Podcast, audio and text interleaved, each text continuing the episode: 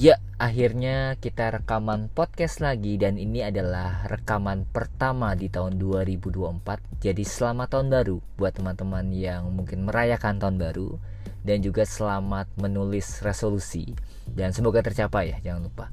Uh, podcast Psikolog ID buat yang mungkin baru mampir adalah podcast pengembangan diri yang akan mempertemukan kamu dengan berbagai kasus nyata. Jadi ini berdasarkan ruang konseling uh, dan juga ruang praktek terapi psikologis. Jadi saya banyak sharing tentang pengalaman saya, apa yang dihadapi sama klien dan mungkin saja ini relate sama teman-teman.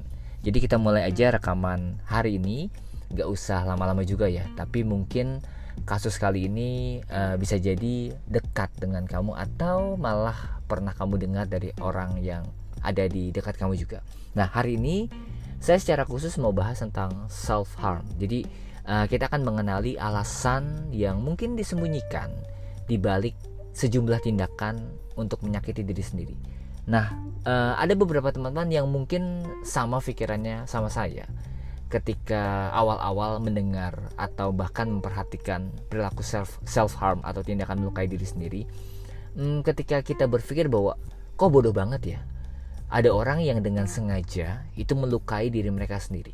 Nah podcast ini atau audio ini akan mengingatkan kita dan juga meminjam sudut pandang dari orang lain dan juga sejenak kita mencoba merasakan apa sih yang sebenarnya mereka rasakan orang dengan self harm atau beberapa uh, teman-teman uh, kita yang melakukan tindakan ini sebenarnya alasan mereka tuh apa nah saya akan mulai dari definisi dulu ya teman-teman uh, jadi self harm itu seperti yang kita tahu mungkin uh, banyak yang udah paham juga adalah sejumlah tindakan melukai atau menyakiti diri sendiri dengan berbagai cara. Jadi sebagai bentuk ekspresi dari emosi atau rasa sakit di dalam diri ya. Emosi yang jelas nggak nyaman dan sering kali uh, beberapa perilaku itu juga nggak disadari. Jadi kita menganggap ini perilaku biasa tapi ternyata bentuk dari uh, melukai diri sendiri. Contohnya ya uh, beberapa di antaranya yang nggak disadari workaholic atau bekerja tanpa istirahat. Nggak kenal waktu kerja terus kemudian uh, ada perilaku lanjutannya yaitu menunda waktu istirahat atau waktu makan. Jadi uh, makannya ntar aja deh breaknya ntar aja masih ada yang harus saya lakukan. Nah itu tanpa sadar kita mengorbankan atau menyakiti tubuh kita diri kita. Nah berikutnya yang juga sering dialami dan saya banyak temui di ruang praktek juga adalah tindakan memukul diri sendiri uh, dan juga membuat luka yang nampak. Contohnya dengan benda tajam atau dengan benda tumpul supaya berdarah supaya tergores supaya memar. Nah itu. Nah Uh, sebenarnya apa yang menyebabkan tindakan uh, eh, self harm ini terjadi atau dilakukan? Nah, rasa sakit atau uh, rasa bisa dibilang rasa nggak nyaman lah, secara psikologis dan emosional adalah hal yang nggak nampak, nggak muncul. Nah, uh, luka ini sering kali bahkan lebih menyakitkan dari luka fisik sekalipun. Jadi kalau luka fisik misalnya teman-teman terbentur, tergores atau jatuh itu kan kelihatan dan memang sakit. Nah, tapi Eh, rasa sakit psikologis dan juga emosional itu sering kali nggak nampak nggak kelihatan tapi sakitnya sama bahkan lebih sakit dari yang fisik itu. Dan dalam beberapa kasus eh, self harm ini merupakan bentuk ekspresi seorang untuk mengungkap emosi dan juga mengalihkan uh, luka emosional yang uh, ia rasakan. Jadi karena nggak ada bentuknya jadi ia coba untuk ekspresikan dalam bentuk fisik. Nah uh, ada sejumlah alasan yang membuat eh, orang-orang uh, akhirnya melakukan self harm. Ini saya bagikan sedikit ya, teman-teman. Yang pertama adalah uh, pemindahan rasa sakit. Jadi mereka melakukannya sebagai mekanisme displacement. Jadi sering kali seorang uh, yang melakukan self harm itu ingin mengubah rasa sakit emosional seperti yang saya bilang tadi ya menjadi rasa sakit fisik. Dan hal ini bukan semata-mata dilakukan untuk cari perhatian ataupun supaya uh, dapat atensi dari orang lain, tapi lebih dianggap sebagai jalan keluar jadi shortcut dari sejumlah emosi yang terlalu menekan dan dia tuh hampir nggak kuat sama emosi ini. Contoh perilakunya misalnya adalah cutting, uh, jadi dengan benda tajam membuat luka, kemudian membuat memar atau hal lainnya yang intinya sih menyebabkan luka-luka fisik ya. Uh, itu yang pertama. Yang kedua, self harm juga bisa jadi adalah tindakan menghukum diri sendiri atau istilahnya dalam psikologi disebut sebagai self punishment. Jadi seorang yang mengalami mengalami emotional damage atau biasanya uh, dia ketidakmampuan untuk merasakan emosi uh, ada notifikasi Shopee ya teman-teman. Abaikan ya teman-teman. Jadi uh, lanjut ya. Jadi seorang yang mengalami emotional damage uh, atau ketidakmampuan untuk merasakan uh, emosinya bisa jadi ini akibat kekerasan akibat uh, perasaan rendah diri akibat penyesalan bahkan ada yang diakibatkan oleh hubungan yang toksik ya. Jadi sangat mungkin untuk melakukan self harm karena mereka merasa pantas untuk menerima hukuman atas kesalahannya ya. Jadi uh, sebenarnya tindakan ini lebih banyak dilakukan untuk uh, mengurai atau mengurangi rasa bersalah ya, atau rasa malu. Jadi contohnya memukul diri sendiri seperti tadi menarik-narik rambut uh, dengan sengaja menjadi lapar, jadi diet berlebihan termasuk ya, dan juga memaksakan batas diri secara berlebihan dalam upaya menghukum diri sendiri. Nah, lanjut ke alasan ketiga adalah banyak orang yang melakukan self harm itu sebenarnya uh, dalam rangka upaya mengalihkan diri dari mati rasa. Jadi contohnya perasaan hampa, uh, feeling lonely lah, kesepian, bahkan tidak berdaya pada akhirnya membuat seseorang ya mungkin termasuk kita hanyut dalam kesedihan atau bahkan nggak ngerasain apa pun. Nah dalam beberapa kasus kehilangan juga uh, misalnya karena perceraian, uh, kematian atau bahkan korban dari pelecehan juga bisa menjadi mati rasa terhadap perasaan diri mereka sendiri. Dan dengan menyakiti diri sendiri, rasa sakit itu jadi pengingat bahwa seorang itu masih hidup dan juga dia itu masih merasakan sesuatu ya sama seperti manusia lainnya. Ini agak dalam ya ketika saya uh, share tentang ini karena memang banyak dialami di ruang praktek ya secara real sama klien-klien saya juga.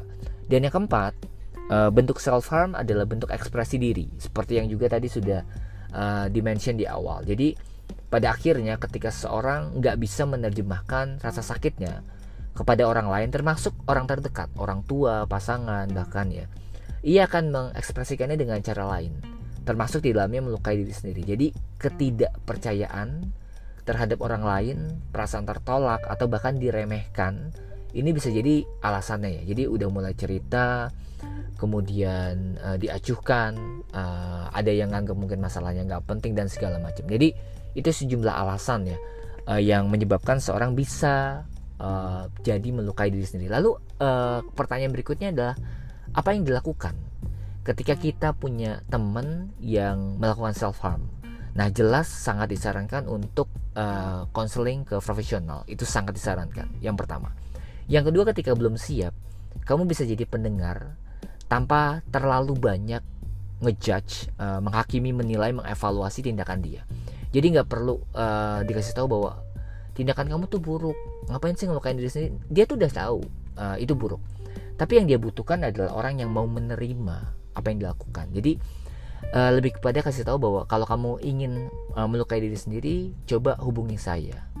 Kalau misalnya kamu ingin melakukan tindakan ini, saya ada kok untuk kamu. Jadi kamu cerita aja. Jadi tempat untuk dia mencurahkan sesuatu dan bisa jadi pengalihannya juga dilakukan dengan berbagai cara. Salah satunya ya, misalnya uh, pakai batu es uh, dibandingkan menggores dengan benda tajam atau misalnya media kertas, uh, journaling, merobek dan segala macam ya. Teman-teman uh, bisa belajar uh, tentang beberapa jenis pengalihan dari self harm juga. Uh, itu sudah banyak di sharingin di sosial media termasuk di psikolog ID. Nah, itu sih contoh-contohnya ya.